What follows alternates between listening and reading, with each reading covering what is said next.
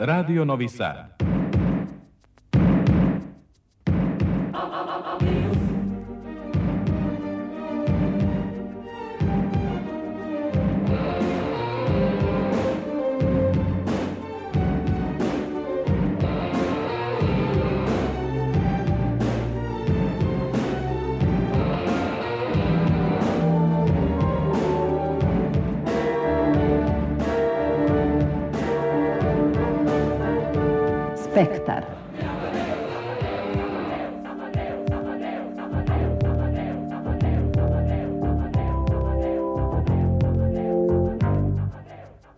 Spektar.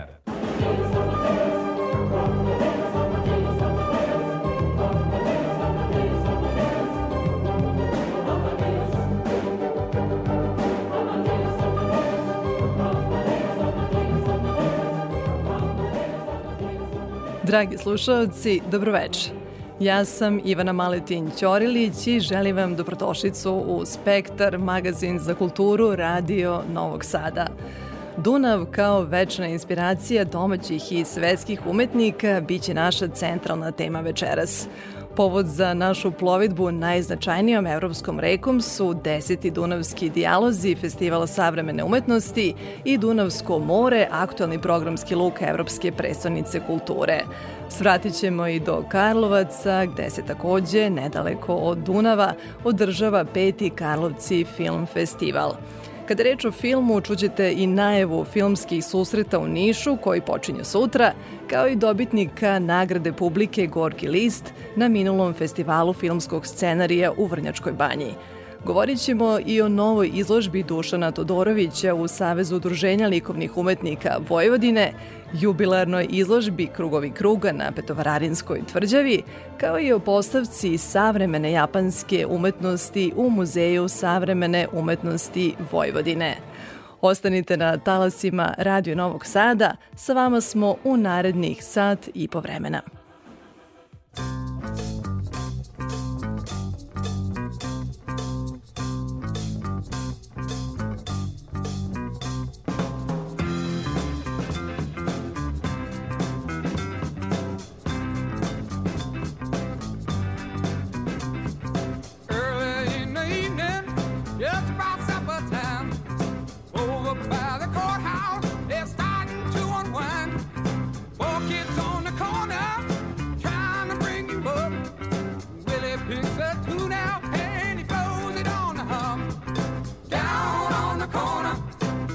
In the street, playing the folk boys are playing, bringing it up happy feet. Rooster hits the white road, people just gotta smile. Lucas bumps a gut bass and solos for a while. Oh boy, twang the rhythm out on his Kalamazoo, and Willie goes into a dance, and doubles on the zoo.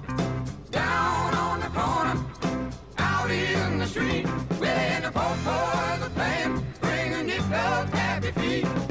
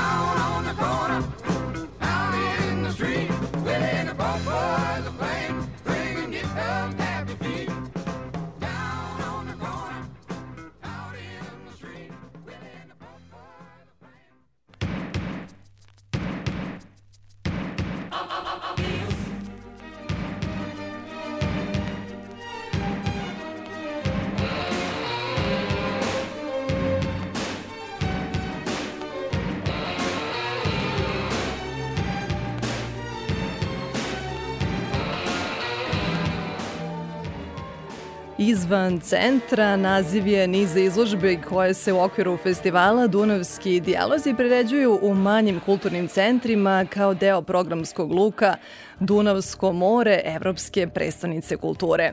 Umetnički razgovori savremenih umetnika Dunavskog regiona ove godine izmešteni su iz Novog Sada u susret publici, koja nažalost nema često mogućnost da prati aktuelnu kulturnu scenu. Večeras su u programu Dunavskih dijaloga otvorene još dve izložbe. U Mihizovoj kući u Irigu slovačke umetnike predstavlja naša novosađanka koja živi u Bratislavi Olja Triješka, a u Karlovačkoj gimnaziji posetioci će videti koje nemačke umetnike odabrao naš slikar iz Berlina Milovan Destil Marković. Na otvaranju bila je Aleksandra Rajić koja je sa nama na vezi. Sanja, dobroveče i dobrodošla. Dobroveče, dobroveče slušalcima Spektra. Dakle, izvan centra naziv je tog programa Dunavskih dijaloga. Samo jedan od brojnih programa Dunavskih dijaloga koje ove godine imaju zapravo deseto jubilarno izdanje i zbog toga su tako e, obimni i veliki i značajni. Dakle, u programu izvan centra otvorene su dve izložbe, kao što si rekla, u Irigu i u Karlovačkoj gimnaziji. E, ideja je naime da se manifestacija ove godine izmesti iz centra realizuje u okolini Novog Sada i to u lokalnim kulturno-istorijskim objektima kako bi se potvuk, podvukao i taj nivo priče zapravo i ta slika, ta dimenzija kontrasta i komunikacije, odnosno dijaloga, naravno kako sam naziv e, manifestacije nosi, između e, onog što je baština i onoga što je savremeno. E sad, e, e Olja e, Stefanović Trijaška je dakle naša novosađanka koja već godinama ima adresu u Bratislavi, predstavila je u Mihizovoj kući četiri slovačka umetnika, odnosno umetnice i zapravo ceo spektar nekih formi i video radove i slike i tekstualnu umetnost u ostalom kojem se i sama bavi. Ona sama je već godinama se bavi zapravo socijalističkim spomeničkim nasleđem, spomenicima posle drugog svetskog rata i njihovim pa onim partizanskim jel da, spomenicima, spomenicima revolucije i njihovim simboličkim značenjem i značenjem koje zapravo imaju na naš, za naš identitet, za naš sistem vrednosti, za našu neku kulturu sećanja, za naš odnos prema prošlosti i prema baštini. Radila je i doktorski rad u Slovačkoj na tu temu i kaže da zapravo u svetu nema takve spomeničke celine kakva je ona jugoslovenska, koja je naročito naravno skrenula pažnju kada je napravljena ona velika izložba u njujorškoj e, momi. U Karlovačkoj gimnaziji je naš berlinac Milovan Destil Marković odabrao e, troje umetnika, dve umetnice i naravno on kao gost selektor sa svojim novim radovima E, poenta je u tome da sve troje umetnika nisu rodom iz Berlina. Berlin je jedan veliki kulturni centar, ako ne i sam centar kulture u Evropi, a kaže najveći deo, 80% umetnika zapravo uopšte nisu poreklom iz Nemačke. Odabrao je jednu Nemicu koja je rođena u Australiji, koja radi jedno minuciozno, kontemplativno, gotovo poentilističko, ja bih rekla ekspresionističko slikarstvo, ali na nekim formama, na nekim uh, likovnim izrazima, tekovima aboriđinskog slikarstva.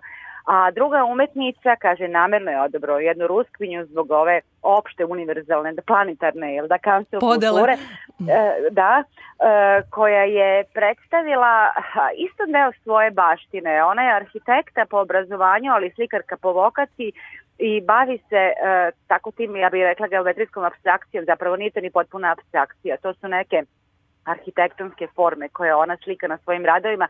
I ono što bi se moglo recimo povezati sa nekim ruskim konstruktivizmom koje je isto neko rusko sociološko, e, odnosno sovjetsko e, e, socijalističko zapravo nasleđe u ovoj kulturi.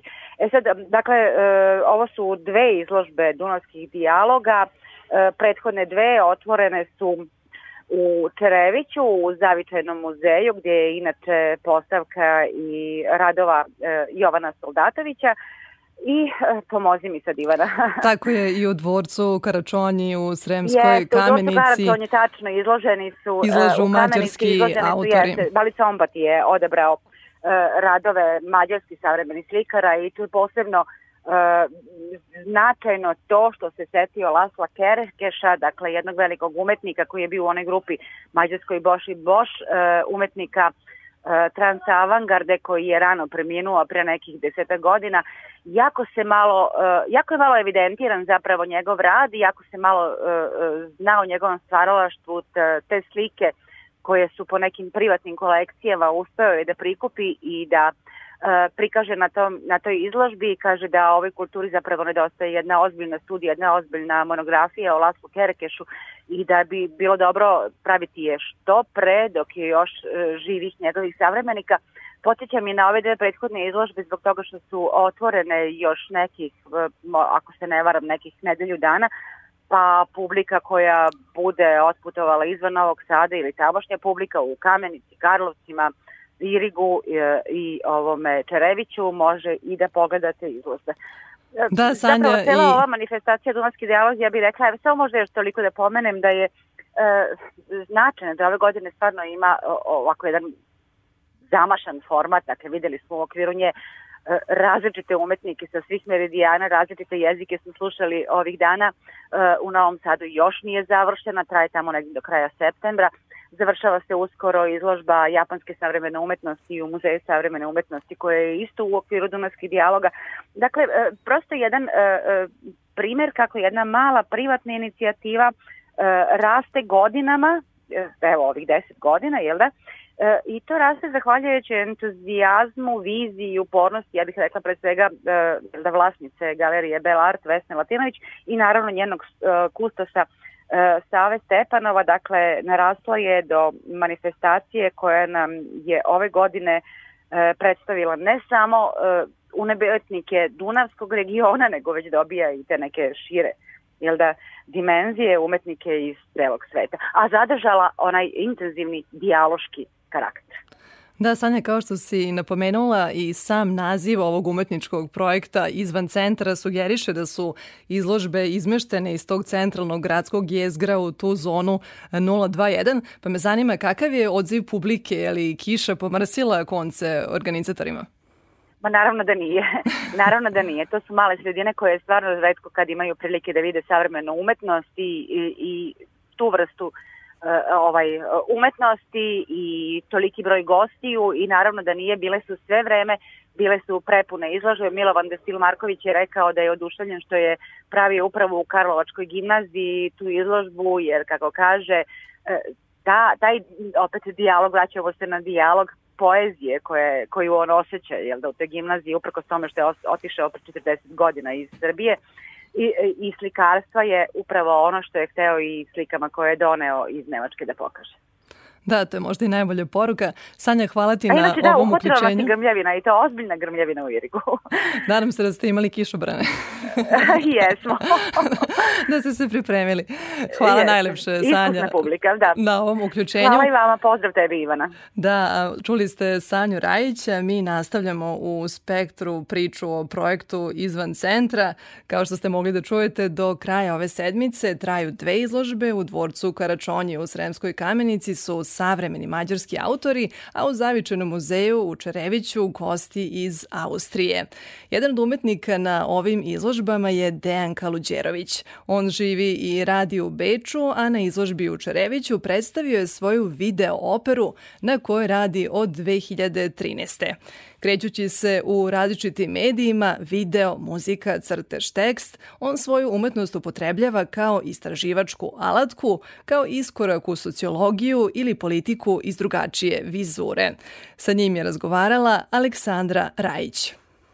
Hajde najpre možda da napravimo mali uvod o tome kako je rad nastao, a posle da vas pitam, nije li i ovaj rad zapravo zanimljiva sociološka studija i možda preprodukcija odnosno koliko je savremena umetnost, pogotovo ovakva konceptualna, dakle ovako osmišljena, a iz više registara kao vaša, jer tu je i opera, tu je i video rad, tu su i neki tekstovi tipa olovka piše srcem, da, ako da. mogu tako da kažem. Da, da, da. Dakle, koliko je e, taj rad preprodukcija A koliko je čista umetnost? Ja znam da ste vi umetnik i da mm -hmm. ćete to reći da je to umetnost. Dobro. E, kakav vam odgovor zapravo posle mm -hmm. desetogodišnjeg istraživanja daje ovaj rad? Kao neki uvod, u suštini, ovo je video koji je produciran od materijala snimljenog opera performansa koji je uh, izveden prvi put u Gracu na festivalu Štajerske jeseni prošlog septembra. U stvari libreto koji je uh, pisala Tanja Šljivar, je baziran na mojim skriptama za moje radove koji su producirani od 2013. do danas. Taj serijal se zove Konverzacije, to je serijal gde ja u stvari intervjušem decu u različitim gradovima gde sam pozvan da imam izložbu. Gde ste sve imali? I onda ja produciram uh, više kanalne zvučne instalacije koje prati taj vizualni uh, deo koji je u stvari, ja to zovem kao scenografija za taj nevidljivi performans koji se dešava u prostoru, a, jer mi u stvari u prostoru čujemo e, e, decu iz tih gradova, odnosno zemalja koji pričaju svoje maternje jezike koji se nikad nisu srela, ta deca se nikad nisu srela, to je određeni uzrast od 7 do 10 godina, to je, mislim, to je jako važno da kažem da bi shvatili, deca su tog uzrasta zato što to je uzrast gde dete od 7 godina može da, da mislim, kao suvislo kaže neku rečenicu ili tako, neki odgovor na pitanje, i, a 10 godina je neka krajnja granica, jer to je uzrast gde deca još uvek nisu individualizovane, što znači da ona još uvijek nemaju formirana mišljenja na taj način, odnosno ono što je još zanimljivije, ne samo cenzurišu svoje odgovore, što mi svi radimo, ili tako? Pogotovo, mislim da, je, ja to sad shvatam, taj rad, kažem, radimo 2013. Sad shvatam koliko te, u današnje vreme cancel kulture, e, gde ljudi više nema smiju da kažu što zaista misle, da se plaše da će biti osuđeni, izgubiti posao, kancelovani, što bi se rekli, ili kako se to prevodi na... Pa da, žao mi je što u da. srpskom mi nikad ne, ne nađemo da, da. našu reč, ali dobro. E, onda te moje instalacije, zvučne instalacije, vizualno zvučne instalacije, uh, su služile kao polazište za libreto za operu koju smo radili prošle godine ove koje smo radili uh, Tanja Šljivar, ja, Bojan Đorđev i Marija Balogđić kao kompozitorka.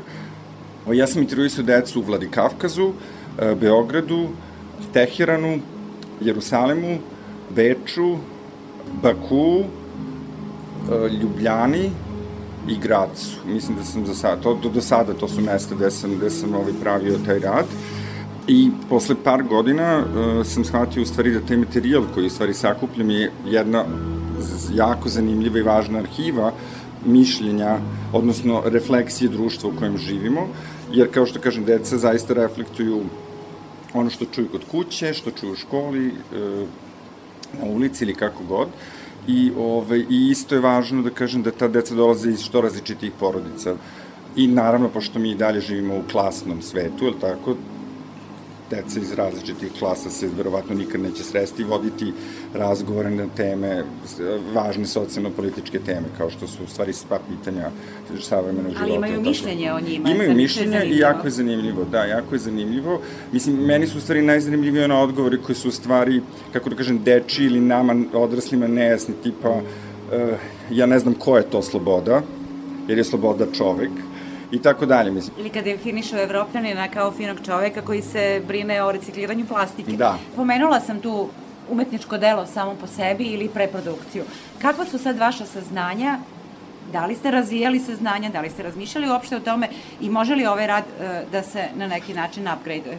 Pa, ja to gledam ovako, vi ste pomenuli olovku pišne srcem, tako, a meni je u stvari, ako to uopšte tako mogu da kažem, inspiracija, ali kao negde ja sam odrastao i na kockici, Ja nigde, mislim, ne smatram i ne tvrdim, mislim, ovo svakako nije naučni rad, ovo je, jeste rad koji se bavi istraživanjem i ovo, ja pred odlazak na svaku od tih e, e, lokacija gde imam posle izložbu i tako dalje, istražujem, ovaj, kako da kažem, čitam o tom mestu, odnosno o tom društvu i tako dalje, sarađujem sa kustosima, onda i pokušavam da, da ovaj, saznam što više informacije, jer u stvari taj vizualni deo rada je moja lična interpretacija tog društva gde radim rad kroz jezik dečijih igara.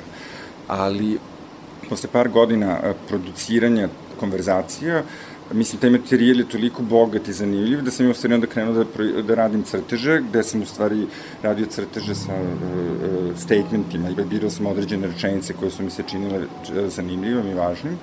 Ove, I onda sam u stvari shvatio da bi bilo dobro da da bi bilo meni prvenstveno izazov i zanimljivo da uradim operu, ne zato što smatram da je, mislim, opera kao to neko e, najsavršenije umetničko delo koje objedinjuje sve, sve medije i muziku i tekst i, i glumu, Ovo nije prvenstveno klasična opera i namerno sam se trudio da odaberem dva operska pevača, odnosno pevača i pevačicu, jednu pevačicu koja ima svoj bend iz Beograda i, i ovog najmlađe koji je iz Graca, koji isto ima bend i koji u stvari negde čak i repovao malo, tako da koristimo različite jezike muzičke, žanrove, ali mislim da je ono, da ako bi sad pokušao da odgovorim na vaše pitanje, mislim da je kroz operu, odnosno te izjave dece koje su jako važne, ako ih transformišemo u mediji pesme, oni postaju još univerzalniji. A druga jako važna stvar, čini mi se, je da originalne ili ta polazišta za operu, ti svi radovi koje, koje ja i dalje radim, te ove, instalacije zvučne konverzacije su, to je u jednom smislu dokumentarističan rad, dok sam negde insistirao kad sam razgovarao s Tanjom da u stvari mi koristimo taj materijal njihovih izjava, te skripte, da se s njima igramo na taj način da, da je to sve pomešano, da smo tu u stvari dosta manipulisali. I mislim da su tu desile neke izvaredne, izvaredni momenti gde, na primjer, u poslednjoj pesmi Evropa oni kažu evropljani nekad su bili prljavi, a sada su ipak malo čisti, što je meni meni jeste jedan užasno važan statement koji govori o toj kolonijalnoj prošlost, mislim, koji nije na kraju krajeva ni prošlost, nego i sadašnjost Evrope i tako da i to su, mislim, jako važne pitanja u svetu u kojem živimo. Koliko god je rad političan, socijalni i tako dalje, e, e, meni je važno da on ne bude e, na prvu loptu direktan, nego on kroz te neke svoje slojeve u stvari otkriva i ukazuje i postavlja pitanja.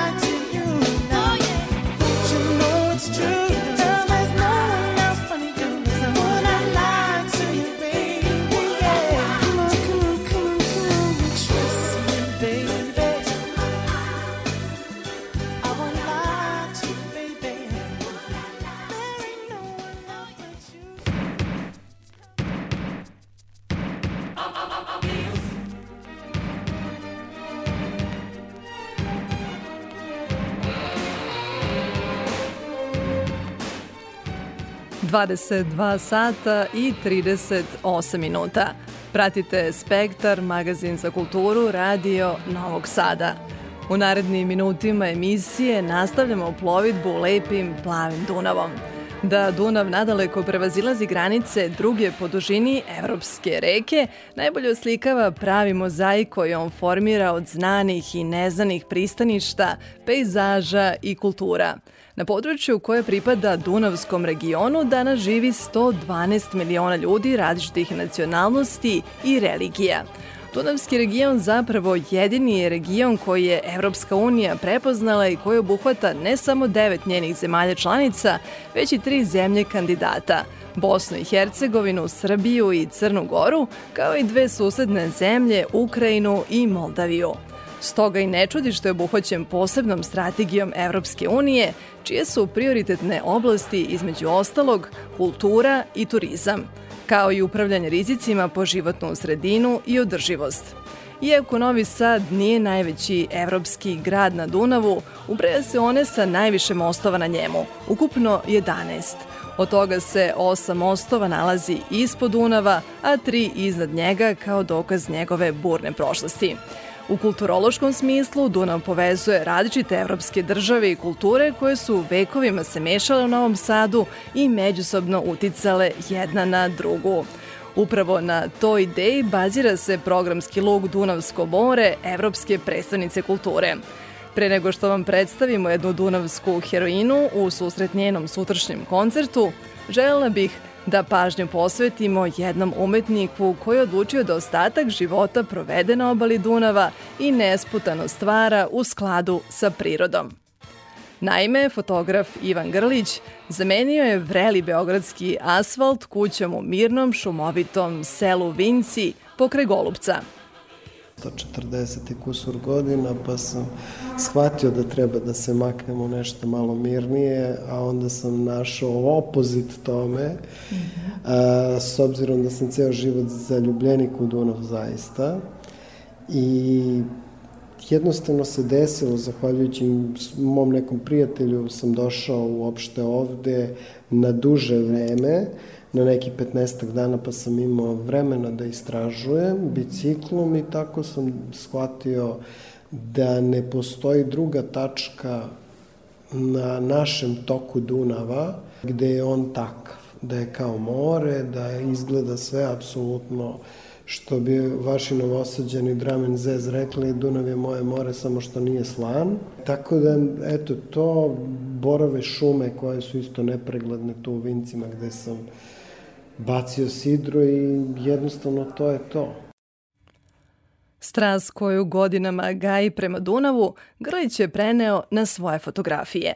Novo životno razdoblje omogućilo mu je, kaže, da ga sagleda u punoj lepoti i veličini – Ja svakako već 20 godina volim te stare čamce, to drvo koje ima teksturu, nekoliko izložbi sam imao i toga i tih starih vrata sam imao jednu izložbu koju sam radio, tako da sve zajedno u suštini sam negde već bio ja na tragu toga i u ljubavi sa Dunavom, kao što rekoh, tako da samim tim sam i negde svoju umetničku orijentaciju imao i ka tome. Tako da nije tu ništa sada se desilo novo, sem što je fantastično kada si stalno tu, kada stalno imaš mogućnost biciklom, ranaca, fotoaparatom i onda posle par meseci upoznaš sve alase, upoznaš sve te ljude koji dele istu strast ka Dunavu koji ti, tako da ovaj, onda to dobija život i neku formu Mislim, evo, sigurno će se desiti i rezultirati nekom izložbom, pitanje je samo kad. Grlića smo zatekli u narednoj biblioteci Veljko Dugošević u Golubcu na otvaranju njegove izložbe Music Bre. Reč je o fotoportretima naših istaknutih muzičarima na kojima je radio skoro dve decenije.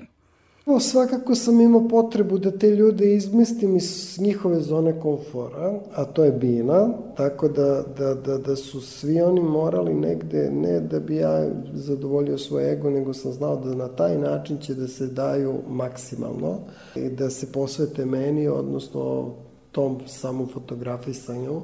Nisam hteo njihovom zanosu dok su oni uh, u svojoj nekoj priči da ih fotografišem, nego su upravo svi portreti nastajali uh, režirani su, da li je to studio, da li je to neki interijer ili eksterijer, ali sve u suštini bilo negde režirano, dogovarano, ja sam osmislio koncept tih fotografija, negde zadate okvire dao i onda ih pustio da budu ono što oni jesu, a ja sam pokušao da to dobijem.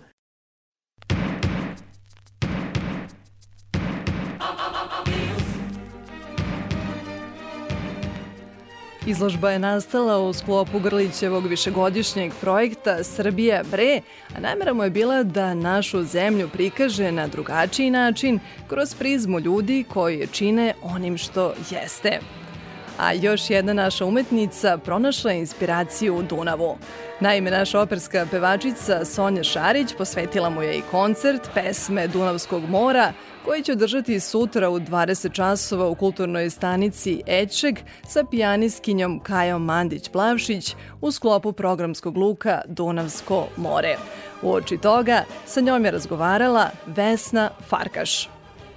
Pre više od godinu i po dana razgovarali smo i mislim da ste bili tada u užasnom strahu što se tiče pandemije koja još uvek nije nažalost prošla kada će ponovo sve da krene, što se tiče koncertnog života, što se tiče pevanja, e, dešava se, bar se nama čini da se nešto dešava, da je ponovo krenulo. Sonja, kakav je sada koncertni život što se tiče vas i vašeg pevanja, što u Srbiji, što diljem sveta, prvenstveno u Austriji, vi kao austrijski džak? Kako da kažem, e, promenilo se u odnosu na onaj sam početak pandemije kad nije bilo baš ništa i svi pokušavaju da nekako nadomeste i trude se svim silama i organizatori koncerta su sada u vrlo nezahvalnoj poziciji da moraju da budu još spontaniji i snalažljiviji nego pre, a isto tako i mi umetnici koji moramo mnogo brže da se spremamo, da učimo uloge ili koncertni repertoar, zato što se prosto koncerti više ne planiraju kao nekada dve ili tri godine unapred, ili a, takođe i operske produkcije su sad veoma, veoma spontane, znači svi moramo budemo onako na e, kako da priprema pozor sad poziciji, pa čekamo da neko kaže sad i krećemo, znači to je nešto što zahteva veliku spremnost, ali moram da kažem da smo se mi ovde u, u Novom Sadu i uopšte na našim prostorima relativno dobro snašli, zato što je to kod nas uvek u tom pravcu tako bilo. E, onako, da se mi lakše snalazimo u teškim situacijama. Tako je, lakše se snalazimo, prosto život nas je naučio i navikao da nam to nije više e, veliko iznenađenje. Nažalost, ili sa ovog puta na sreću, tako da uvek imamo dve strane e, svega. A što se tiče e, nastupa u Austriji, ja ovu prethodnu sezonu koja je sad završena je obeležila definitivno Aida, koju sam prvo debitovala jesenas u Novom Sadu na Petrovaradinskoj tvrđavi u jednoj predivnoj produkciji, a potom sam otišla u Linci i celu sezonu sam pevala tamo Aidu i bilo je skoro 20 predstava. Ono što se tiče debija u Novom Sadu i e, Aide na Petrovaradinskoj tvrđavi koji je zaista bio ne spektakl, nego mnogo više od toga. Imali ste još jednu vrlo važnu ulogu, a to je u Malerovoj drugoj simfoniji koju smo slušali i tu smo mogli da vas čujemo. Tako je, dobila sam poziv od Vojvođanskog simfonijskog orkestra i to me veoma obradovalo. Sama moja deonica u drugoj Malerovoj simfoniji nije obimna, ali i to što ima je dosta zahtevno i veliki je orkestarski aparat, veliki je hor i uopšte biti deo tog grandioznog događaja već samo po sebi biti unutar te mase zvuka i tih boja zvuka je nešto fantastično. Je li bilo straha bez obzira u, u, razmišljajući o tome da mi dalje živimo u pandemijsko vremenu, da je pandemija i dalje tu, je li bilo nek strahova što se tiče tih velikih nastupa, bilo još više od 200 muzičara? Ima straha uvek. Ja sam se na jednoj predstavi, ide u Novom Sadu čak i zarazila koronom, ali to čovjek prosto ne može da predvidi i mi živimo od toga što radimo, e, tako da ne možemo moramo malo i rizikovati, ali mislim da je danas, što se korone tiče, rizik bilo kakav susret sa bilo kim i to se ne može definitivno kontrolisati, tako da ne mogu osuđivati to što sam se baš tu negde zarazila. Tako da treba rizikovati i pokušati da, da, da živiš kao i do sada, naravno uz te mere koje smo svi uvek radili, samo možda sad treba da ih postanemo još malo svesni i mislim da nije na odmet da se ljudi vakcinišu da pokušamo da uz taj virus kakav je takav je sa nama je da napravimo jednu novu normalnost koja bi bila makar malo bliže onoj staroj. Bajić je učenik, naravno, a onda ste otišli u Austriju, a evo opet se ponovo vratili u Novi Sad i to na najveće vrata, naravno uz pomoć, kako bi rekla, baš zaista uz pomoć Verdija i njegovog grandijezne opere Aida. Kakav je povratak iz Austrije u Novi Sad, kako se Novi Sad čini sad, nakon svih ovih prođenih e, prošlih e, iskustava, od onoga kad ste bili džak u Isidoru Bajiću, pa na ovamo. Pa mislim da sam ga ja gledala drugačije kada sam e, bila ovde đak, jer sam kao Somborka, ja svaki svoj slobodan trenutak otišla kući kod mama i tata u Sombor, tako da nisam nešto tada živela Novi Sad, sad ga nekako više, e, više smatram svojim. Lepo mi je to naravno što je ova godina u znaku kulture i što a, zaista srećem puno ljudi koji imaju jako puno entuzijazma i želje i volje i da se nešto ovde pokrene. Da, oduševila sam se, na primjer, sad za ovaj projekat koji mi radimo, oduševilo me interesovanje novinara, interesovanje publike za repertoar koji se ovde gotovo nikad ne izvodi, osim a, osim Bajićevih pesama koje su ovde kod kuće, naravno, ali e, iznadilo me koliko ljudi u stvari žele da čuju nešto što sam ja mislila da se ovde ne želi čuti, a u stvari samo se nije izvodilo. Dakle, Novi Luk, Evropske predstavnice kulture Novi Sad 2022 jeste Dunavsko more i u okviru tog projekta vi ćete izvoditi e, kompozicije Alvana Berga, Bele Bartoka i Isidora Bajića. Dakle, to su nekako tri kompozitora koji su isto vreme stvarali potpuno različitu muziku i potpuno različitih senzibiliteta i izražaja. Kako ih vi doživljavate? Je li to Berg je bio važan zato što krećemo od Austrije, pa ćemo onda doći u Mađarsku i nakon toga ćemo doći u Srbiju zapravo kod nas u Vojvodinu. Je li to u stvari poruka da nas Dunav spaja, a ne da nas razdvaja? Tako je, to je definitivno poruka čitavog uh, tog programskog luka i mi smo se u stvari uh, vodili da to što mi imamo u Vojvodini, tu uh, multikulturalnost, raznolikost, šarenilo narodnost i, i boja i prirode i to bogatstvo koje mi ovde imamo u stvari e, se nalazi u svim podunavskim zemljama manje više i e, prosto taj Dunav to sve spaja i nosi jednu energiju koja se oseti negde i u ovim pesmama. Kroz čitavo školovanje Dunav je i vas pratio. Što u Novom Sadu, Isidoru Bajiću, što naravno u Austriji. Šta za vas znači Dunav? Je li to samo reka ili je to nešto više? Velika reka koja teče, nekad je čista, nekad je prljava, nekad je brža, nekad je hladnija, nekad je topla. A, život, mislim da je to nešto što nikad nestaje i donosi se sobom razne stvari, ali na kraju je ipak samo Dunav koji teče.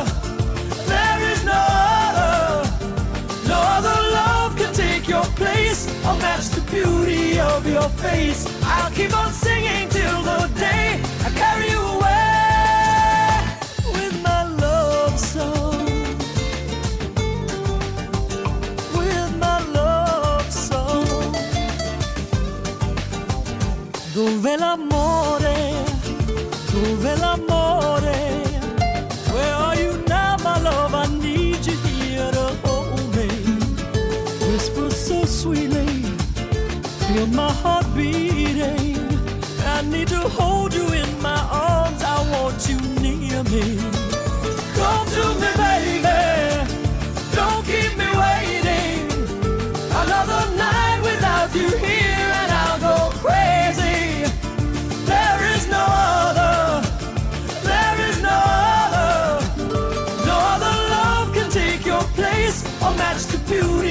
Of your face. I'll keep on singing till the day I carry you away.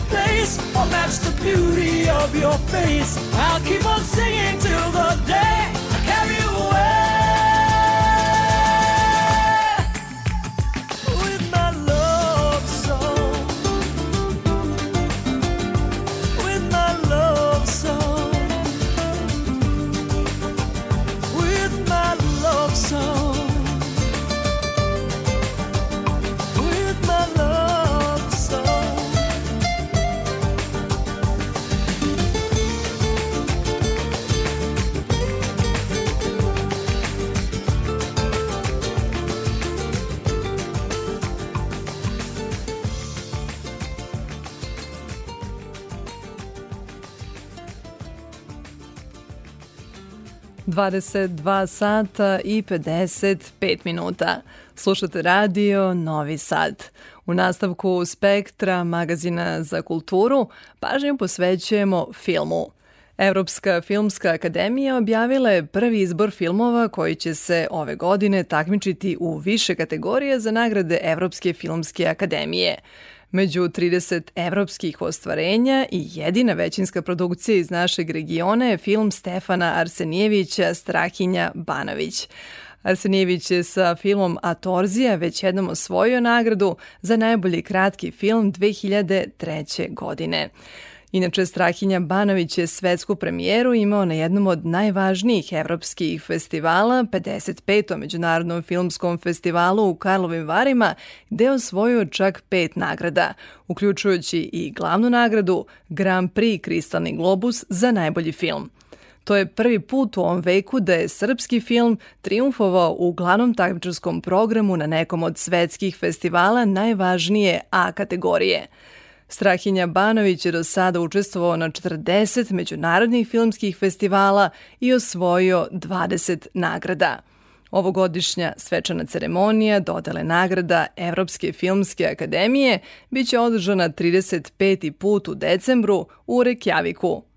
A kada reč o domaćoj festivalskoj sceni, u Sremskim Karlovcima večeras je počeo peti Karlovci Film Festival – Na otvaranju održana je projekcija filma Lajanje na zvezde u čast Milovana Vitezovića, kojem je poshumno dodeljena nagrada za doprinos u organizaciji festivala. Nakon toga na repertoaru je Zlatni dečko u režiji Ognjena Jankovića. Zbog najavljenog lošeg vremena ove godine kompletan program premešten je sa Vidikovca u centar Karlovaca u galeriju Kulturnog centra Karlovačka umetnička radionica. Festival traje do nedelje, a o naslovima koji će se naći pred publikom i pratećim programima govori direktor festivala Stefan Dimitrije Dimić. U subotu nas očekuju dve radionice, radionica glume i radionica uh, filma. Nju vode diplomirana snimatelj Kankica Mićašević i glumci Aleksandar Tovđić i Katarina Bradanić. Uh, to je u nekim uh, prepodnevnim časovima, popodnevnim časovima, a nakon toga idu razgovori sa Goranom Markovićem od 19 časova i e, imamo projekcije kratkometražnih e, filmova u oficijalnoj takmičarskoj selekciji festivala.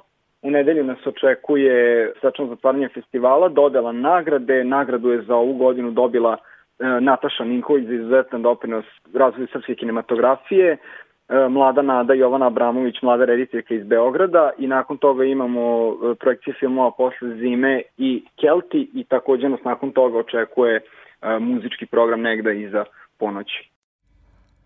Karlovci Film Festival deo je festivala kulturnog turizma Kult Fest u organizaciji turističke organizacije Sremskih Karlovaca koji se završava 28. avgusta. Ustanovljen je ove godine sa ciljem oživljavanja karlovačke kulturne ambijentalne celine kroz animaciju različitih vrsta umetnosti. Što se tiče Kult Festa, sjajna ideja i turističke organizacije Sremski Karlovci – E, mislim da smo e, da su i oni oživeli e, na neki način i sam centar i dosta je sadržaja jer Karlovcima je neophodno da kultura konstantno živi i da nemamo taj prekid kontinuiteta, da imamo konstantno kulturne događaje, jer mi jesmo centar i srpske kulture i srpske duhovnosti, imamo taj neki zadatak domaći za ovaj, za ovaj deo i, i Vojvodine i Srbije da napravimo uvek nešto i uvek da budemo nekako inovativni. Tako da Pulse Fest je jedan ogroman korak napred posle svega da se to uh, ustali, da se svake godine održava i da sadržaj tokom cijele godine ne prestaju.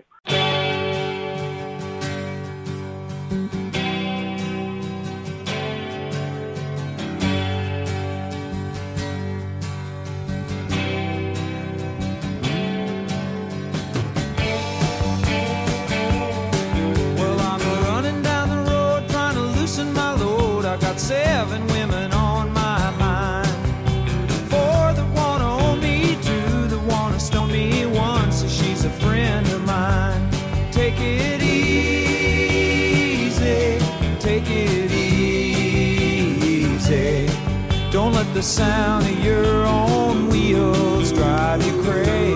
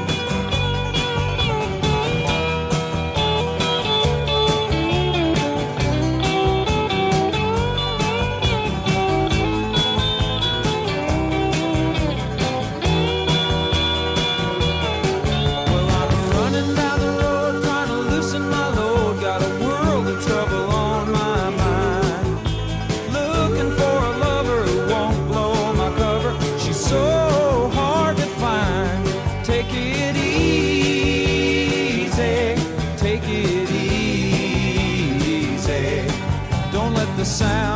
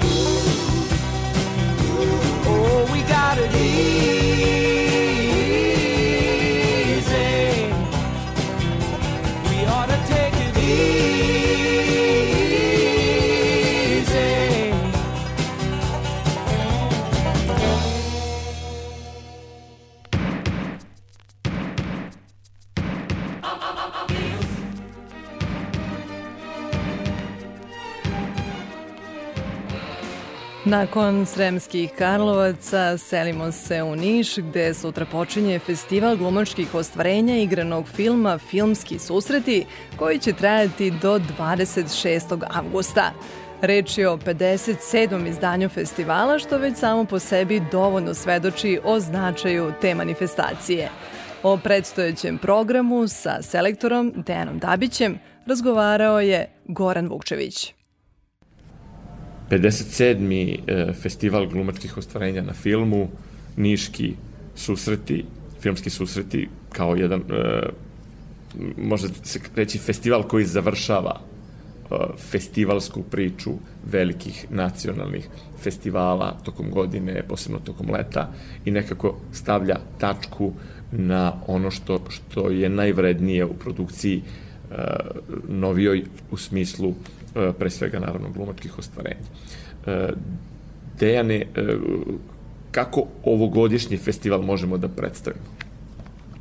Prvo, a, ovaj, sviđa mi se ovaj naziv. Festival glumačkih ostvarenja na filmu a, uopšte ne deluje loše.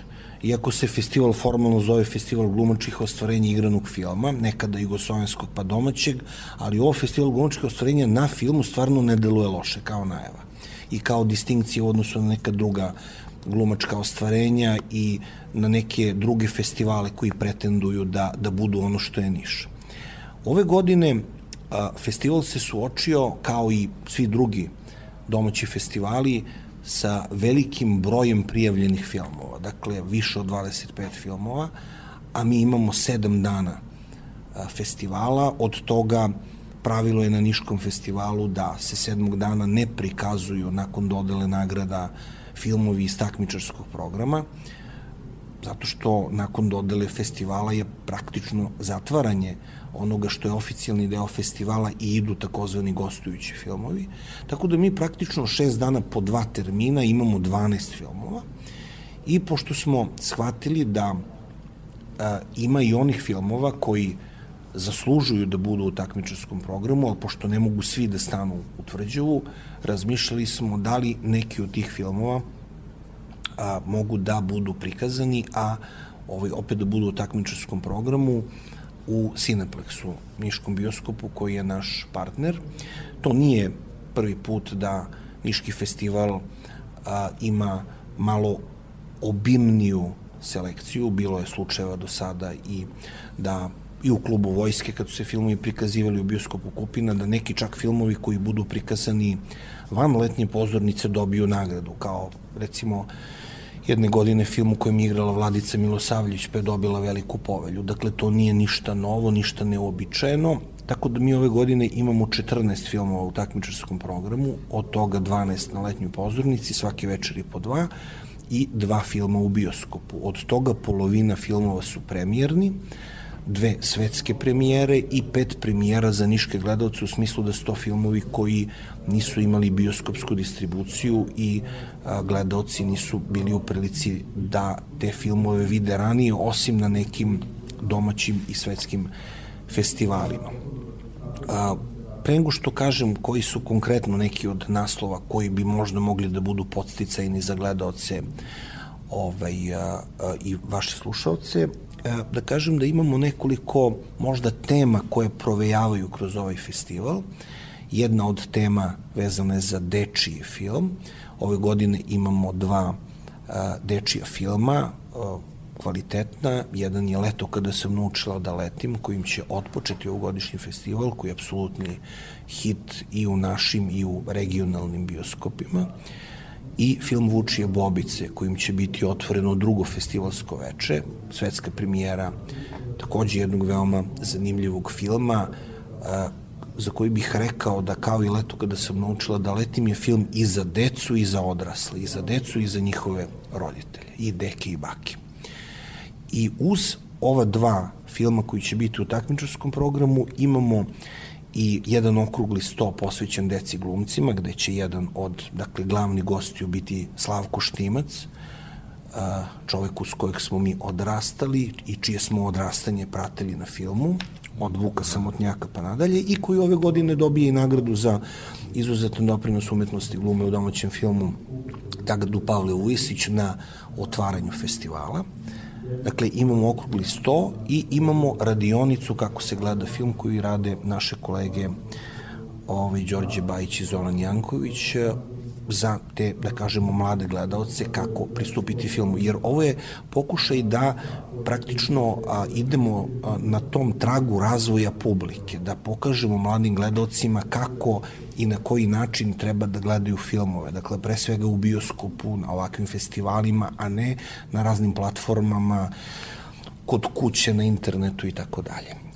Druga tema koja se nametnula je tema vezana za imigrante, za sve te probleme koji ističu a, jer mi obično njih posmatramo samo kao nekakve uljeze i neprijatelja, to su ljudi koji su ostavili neke svoje živote negde tamo daleko, a opet s druge strane imaju problem nekakve adaptacije. Tako da smo jedne večeri stavili dva takva filma, podjednako, mislim, veoma kvalitetna, Strahinja Banović film Stefana Arsenijevića koji je dobio a, najveću nagradu u posljednje vreme koju dobija domaći film, dakle prošle godine Kristalni globus Grand Prix festivalu u Karlovim Varima i film Game Ane Lazarević koji je srpsko-američki film imao svetsku, svetsku u stvari da, domaću premijeru na, na festu a sa Bajantom Trifunovićem u glavnoj ulozi koji je opet jedno jako prijatno iznenađenje i koji ima u tom nekom kontekstu opet priču i vezanu za ovu temu koju sam pomenuo. Uh, druga svetska premijera koju imamo ove godine je film komedija na tri sprata,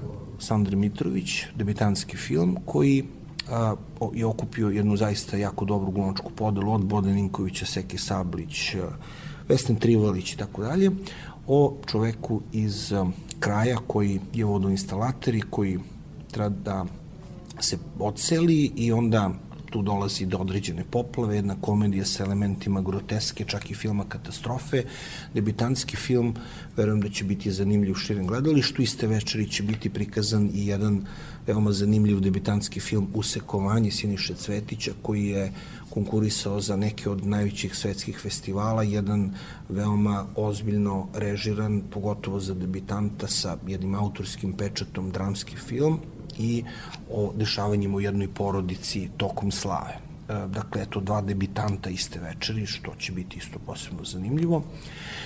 E, od, dakle, ovih e, filmova koje ćemo još videti na, na otvaranju imamo takođe film koji možemo smatrati premijerom za niške gledoce, to su Heroji radničke klase Miloša Pušića, koji je bio na festivalu u Berlinu i na nekoliko svetskih festivala, od domaćih festivala, sem na festu, mislim i Somboru, da nigde nije bio prikazivan, evo i u Vrnečkoj banji.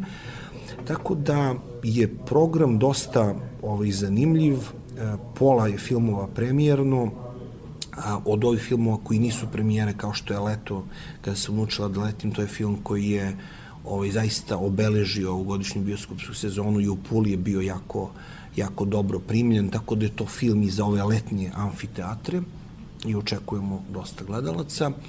Na samom otvaranju imat ćemo dodelu nagrade Slavku Štimcu za izuzetan doprinos umetnosti glume u domaćem filmu. Imaćemo uručenje ključeva grada u godišnjoj predsednici žirija Brankici Zorić Vasović. U žiriju su i Petar Božović i Duško Premović i eto taj žiri uh, neće imati baš lag zadatak jer mora da odgleda 14 filmova i da dodeli 8 zvaničnih festivalskih nagrada, na, nagradu za debitanta, dve nagrade za epizode, dve povelje, caricu Teodoru i cara Konstantina za najbolju glavnu mušku i žensku ulogu i jedan gram pri na ISA za najbolje glumačko ostvarenje na festivalu. Kratko, možda samo neki akcenat iz pratećeg programa? Što se pratićeg programa tiče, mislim da će verovatno ove godine pratići program obeležiti promocije monografije posvećene Ljiljani Blagojević, koja je ovogodišnja umetnička direktorka, ali je prošle godine dobila nagradu Pavle Vujisić i nagrada Pavle Vujisić podrazumeva da Udruženje filmskih glumaca Srbije u dogovoru sa laureatom odštampa monografiju za iduću godinu i da se ovaj prikaže film u produkciji Centar filma tako da ćemo imati promociju monografije e, praktično trećeg dana festivala, dakle 22. u Festivalskom centru hotela Ambasador, bit će prikazan i film koji će posle toga biti prikazan i ovaj, u okviru programa Cineplexa koji možemo tretirati kao neku vrstu kino regiona. Hvala najlepše, želim puno uspeha ove godine. Ovaj, nije ni malo lak zadatak slopiti uspešan festival.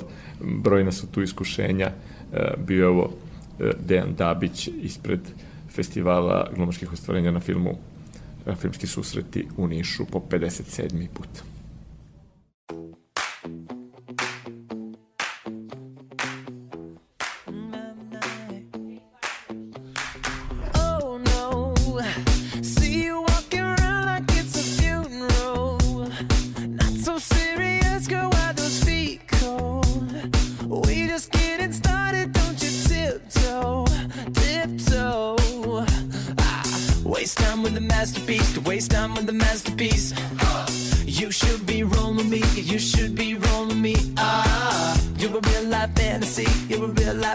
see.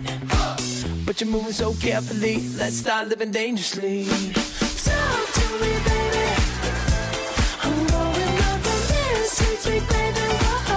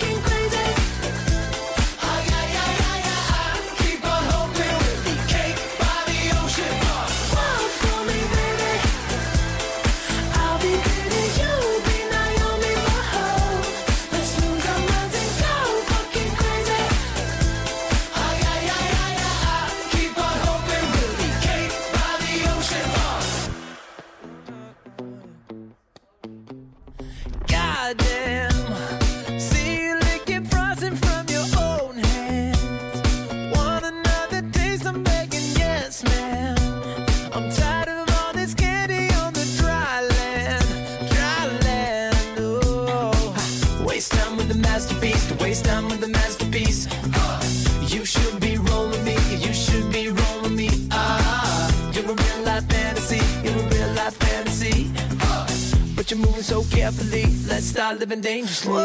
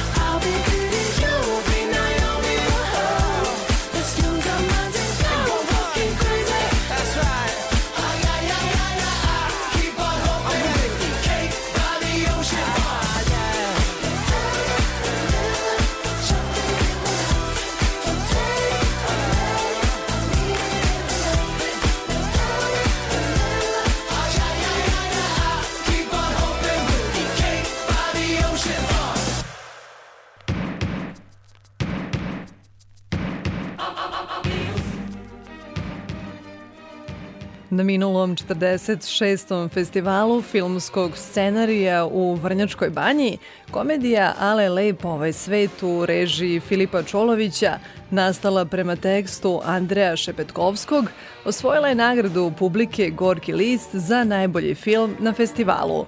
To je ujedno bila i premijera tog filma. Sa Šepetkovskim razgovarao je Goran Vukčević. Čast da kao scenarista otvoriš ovo izdanje festivala. Znači, ta čast je pripala upravo tebi, što je, čini mi se, bilo za mnogo prijatno iznenađenje, a e, gledajući film Ala je lep ovaj svet, koji je rediteljski e, uobličio Filip Čolović, a ti si ti si, kako da kažem, od tebe sve krenulo, od tvog scenarija, čini mi se da si negde utkao svoje iskustvo, iako bukvalno nisi odživeo tu priču. Da, pa dobro, to je iskustvo verovatno svakog e, stvaraoca koji pokušava nešto istinito e, da radi u životu, kojim čime god e, da se bavi, da li je slika, da li je reditelj, da li je glumac i neminovna su stradanja na tom putu. E, nisam to da rekao, nisam ja toliko pametan, ja sam to čuo od mudrijih ljudi, jer da, da svako istinito delo mora da prođe kroz, kroz neku vrstu stradanja. I kroz, pa je tako i ta priča nastala o tom neafirmisanom reditelju već srednjih godina, e, koji se ne snalazi i jedva preživljava, onda se dešavaju turbulencije razne u, u njegovom životu i prvo je nastala predstava koja je igrana sa uspehom, a onda sam pre šest godina napisao i seriju. A onda je nastao i serije i film. Tako da se ono što je interesantno za ovaj film što se potpuno žanrovski i stilski razlikuje od serije, to jest e, lik koji e, ovde povezuje e, celu priču koga igra Nikola Pejaković ne postoji u, u, u seriji. To je Anđeo u stvari. Pa to je, da, Anđeo. Mislim, mi ga nigde nismo, nigde nismo rekli u, da je to Anđeo. On jeste da ima krila. On se na kraju pojavlja kao vaspitač deci u vrtiću. E, I namerno smo to uradili, jer ako uđemo u tu duhovnu sferu, onda treba da se ispoštuju neke druge stvari. Ovo su... E, e, ovo je jedna stilizacija. Ovo je jedna stilizacija i bajka i zapravo i, i metafore. Jer e, Anđeo, možemo da budemo svi mi, e, ako smo dobri jedni prema drugima i ako se volimo. Jeste, Tako da ja. neko ostane zapitano šta je on a Kolja naglasi odmah da uh, mu krila ne funkcionišu. Tako je. Već na samom početku.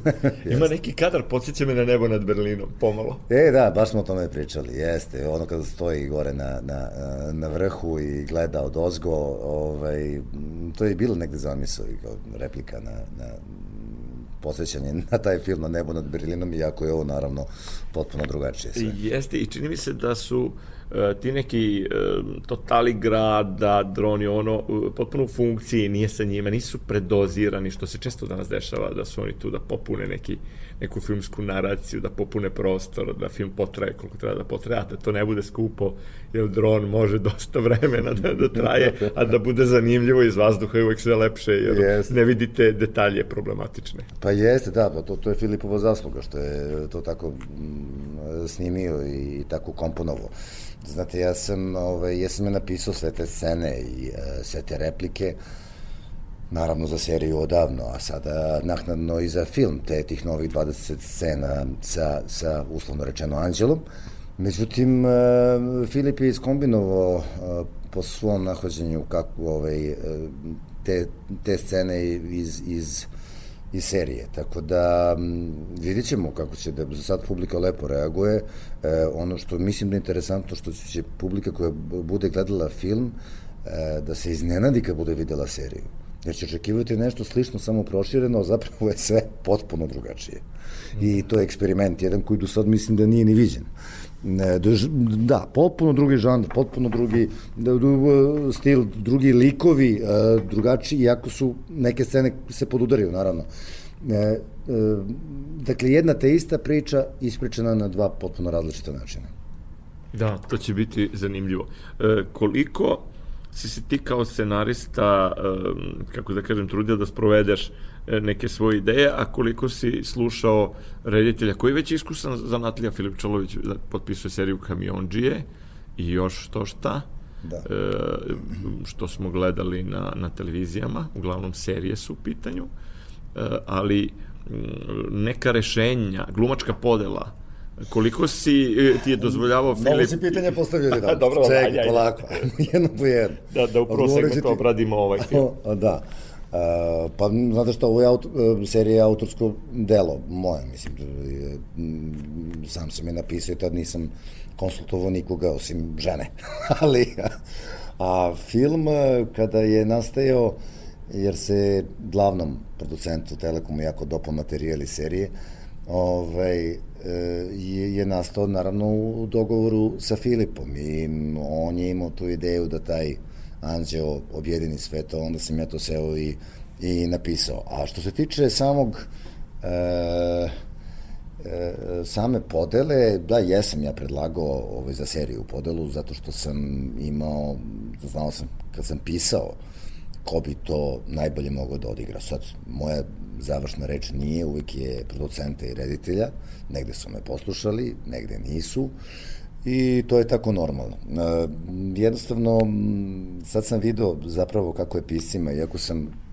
član Saveza dramskih pisaca Srbije, zvali su me sami i hvala im na toj časti, ove, još odavno, posle nekih drama koje su čitali, ove, e, sad sam tek video koliko je pisac na samom snimanju e, pita se tu i tamo, ali generalno je nemoćan oko nekih stvari.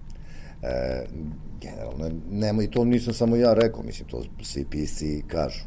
Nije stvar, oni su poštovali dosta teksta, mislim, e, to jest 95% slučajeva u seriji su ispoštovali tekst.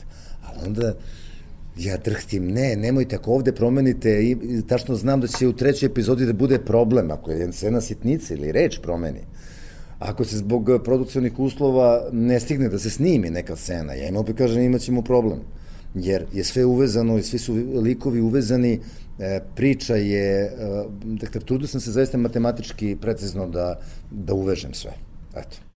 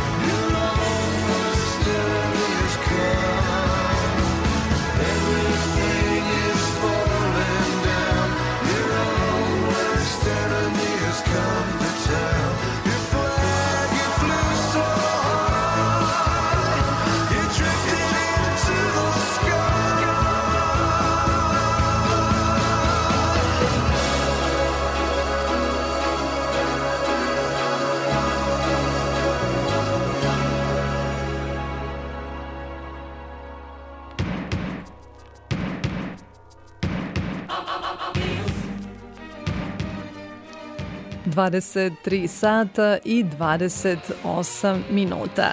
Iz filmske u spektru postepeno prelazimo u svet likovne umetnosti. Izložba Krugovi kruga umetnika najveće svetske kolonije na Petovararinskoj tvrđavi u okviru programskog luka Dunavsko more, Evropske predstavnice kulture, posetioci će imati priliku da vide do 28. avgusta. Naime, u 18 ateljeja izložena su dela 23 umetnika. Kroz svet filma iz ugla scenografije u svom ateljeu provela nas je Valentina Božović sa kojom je razgovarala Ana Čupić. Udruženje umetnika Likovni krug ove godine obeležava jubilej, odnosno 70 godina e, od kako stvaraju u svojim ateljejima na, na tvrđavi. Kakav je osjećaj biti deo toga? Osjećaj, odnosno više je osjećaja. U pitanju je ogromno zadovoljstvo pomešano sa velikom odgovornošću jer biti deo ovoliko kruga stvaralaca koji traje 70 godina, koji traje na ovako čarobnom mestu, koji je apsolutno veliki izvor ideja i inspiracija koje svakako vidimo u delima svih tih umetnika do sad. Tako da velika je čast biti deo ove ekipe mornara i kapetana na ovom Dunavskom brodu. Kako izgleda svet filma iz ugla scenografije od ideje pa do finalnog rešenja?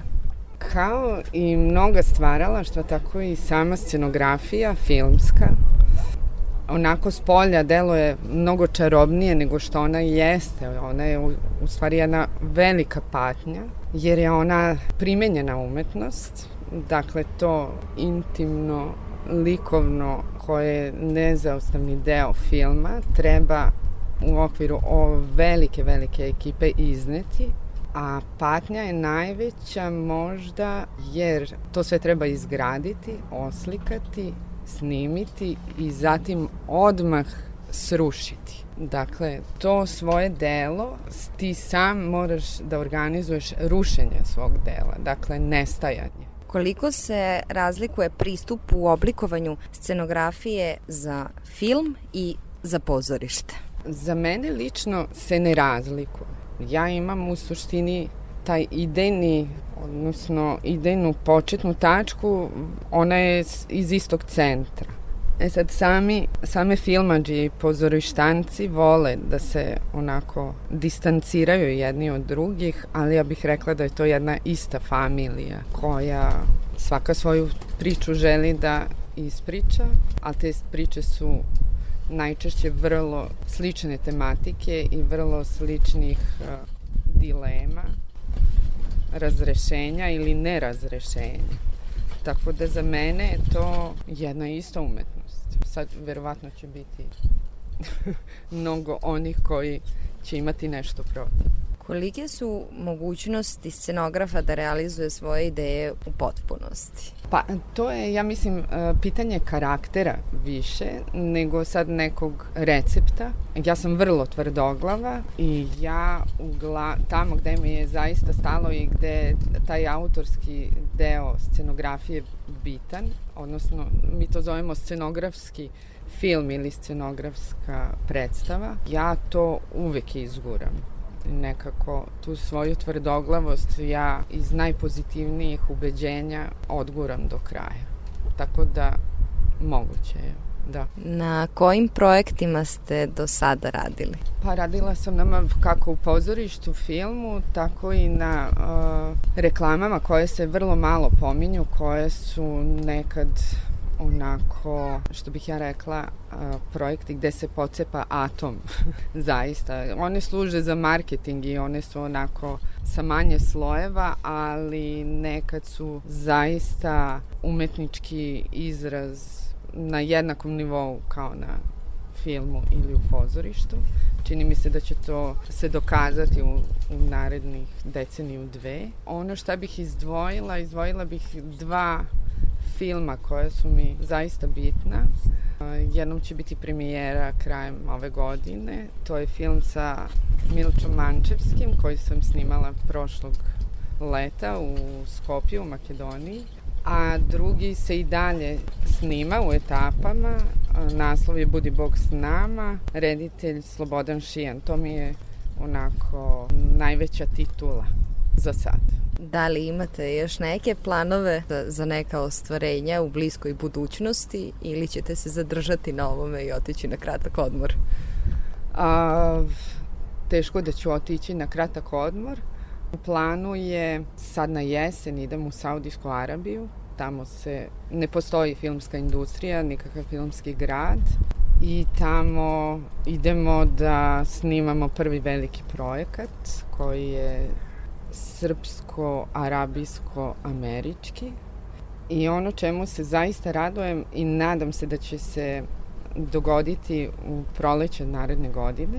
To je koprodukcija više evropskih zemalja, dečiji film o Tesli sa naslovom Mali Tesla, dakle to je bajka o Tesli dečaku, ali svakako će biti predstavljeni i prikazani svi njegovi patenti poznati nama.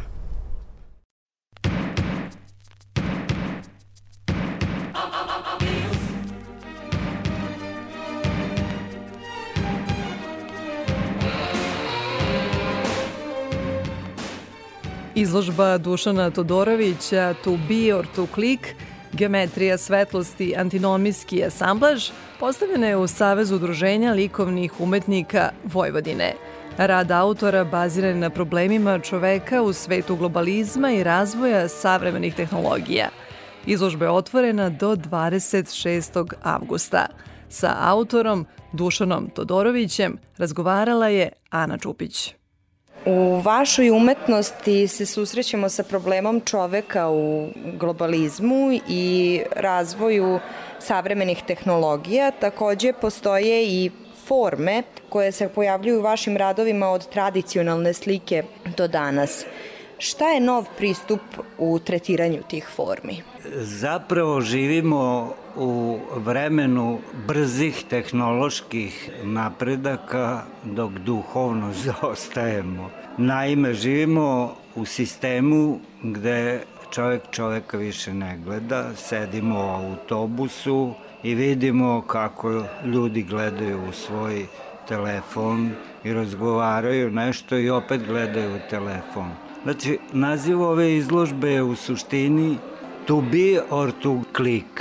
Znači, biti ili ne biti, što bi rekao Šekspir. A ja sam to pretvorio, da li sam ja ono biće koje voli prirodu i prirodna stanja, a računar i tehnologija i telefon mi služi samo povremeno kao pomagalo ili oruđe da čujemo nekoga ko je daleko i vidimo nekoga. Naime, koncept ove izložbe je kao kad uđemo u jedan recimo shopping mall ili jedan deo shopping mola imamo sve atribute i ovaj elemente tog shopping mola. Znači imamo reklamnu lutku ovaj, bez glave sa ekranom. Na tom ili, ili sa malim monitorom koji u stvari kad mu se približite ima kameru pa kao kad se približite nekoj robi u robnoj kući tamo ima jedan špijun koji gleda da li nećeš nešto da ukradeš. To je taj sistem koji ja to ja ugrađujem u ovaj te elemente lutke sa nekakvom idejom da mi postajemo sve više lutke koje e, zavise ovaj, od e, onoga šta nam govori kompjuter. Pitamo se, u svakom momentu se pitamo ne mogu da se setim, sad ću da vidim u Google. Znači, mi gubimo polako našu imaginaciju, naš život u prirodi, jer toliko smo vezani postali za neku sobu, neku kutiju, neki ekran, pogotovo što smo imali to zaprašivanje i zastrašivanje i morali smo da nosimo maske i da sedimo kod kuće i onda smo sve počeli da radimo online. Danas ljudi naru, naručuju cipele pomoću fotografije, pa osnovno je da probaš cipele ili krevet, nameštaj, pa da vidiš da li je mekan, tvrd, ne, i onda se razočaraju kad im nešto stigne. Znači, lakše je otići čini mi se i prošetati do nekog restorana nego naručiti hranu koju ti donese glovo dečko ili devojka i ti sad jedeš nešto što možda i ni, ne očekuješ da je tako ili očekuješ da je bolje ili je provereno. U tom smislu ja sam izložbu koncipirao kao antinomijsku, što znači da sam skupio elemente koji se povezuju i koji ne stoje jedan do drugog. Znači u mojim video radovima koji su na određenim ekranima su moje beleške sa putovanja Venecijanskog bijenala, zatim na mojim lutkama se nalaze one vetranjače u vodi koje daju električnu energiju i koje su suštinski u zavisnosti od vetra. Ja insistiram na toj prirodnoj tehnologiji i čudima koja može priroda da nam da, kao što je i lekovi. Ceo sistem je u ovoj božanskoj rajskoj bašti toliko sinhron da mi prosto ne moramo da eksploatišemo ovu zemlju sa onim elementima kao što su ta da kažem otrovna i atomska goriva jer imamo i vetar i talas koji daje energiju i ovaj imamo zatim sunce naravno koje se pretvara isto. Imamo bioenergiju, pa automobil može da ide na praskavi gas. I recimo u Brazilu automobili idu na alkohol. Znači sve što praska i što daje tu neku energiju. Naravno, tu je u pitanju profit, tu je u pitanju zabranjeni proizvodi koji ovaj ne daju veliki profit. U suštini mi živimo sada u jednom virtualnom sistemu koji nam je nametnut dok stvaran život prolazi pored nas. Jer priroda nam je sve dala, ali nauč, naučnici kažu da smo potrošili resurse za 100 godina unapred. Te koji nas žuljaju i koji ovaj, su zaista otrovni i zagađuju našu sredinu. Nakon impozantnog broja izložbi akademskog pedagoškog rada, da li i dalje verujete u to da umetnost menja? I koliko je ova izložba zapravo potvrda te teze? Ja Odavno imam tezu da umetnost menja, ovo je vek umetnosti, imamo toliko lepih stvari i u muzici koje se dešavaju, imamo toliko toga što osvežava ove umorne ovaj, hodnike vremena i u suštini da nema umetnosti ovaj svet bi bio prazan, ne bi bilo napretka, ne bi... Jer ona vrlo često opominje. Ja sam se bavio ekološkom umetnošću, bavio sam se, znači još od akademije, radim na tome, jer već onda je nauka rekla da se zaustavimo, jer će ovaj svet doći u kolaps kada strela civilizacijska dosegne vrh i kad počne da pada, mi smo onda u velikim problemima. Smatram da umetnost zaista menja svet i, i danas e, kao opomena jer ružna umetnost opominje takođe na ono šta nas čeka kataklizmično i sve, a ja se bavim estetikom lepog jer otvaram onaj prozor, dosta nam je ružno, otvaram prozor prema lepoti ovog e, života, prema onim momentima koji oslobađaju nas od te teskobe u kojoj smo.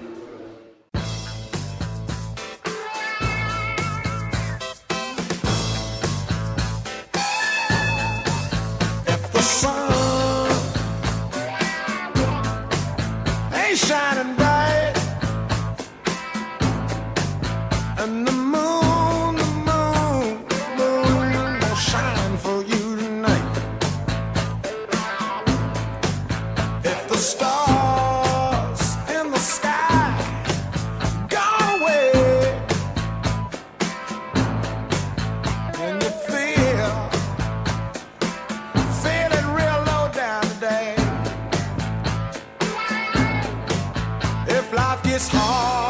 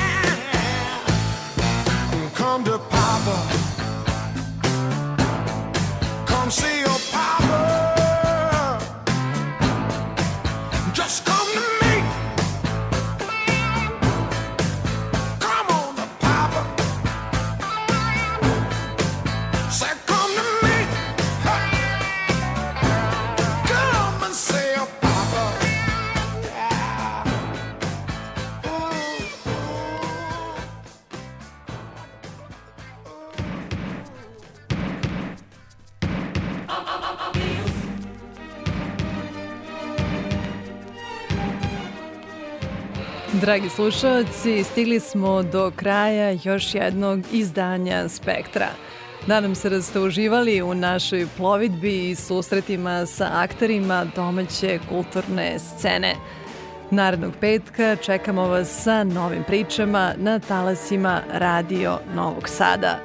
Moje ime je Ivana Maletin Ćorilić i želim vam prijetan vikend.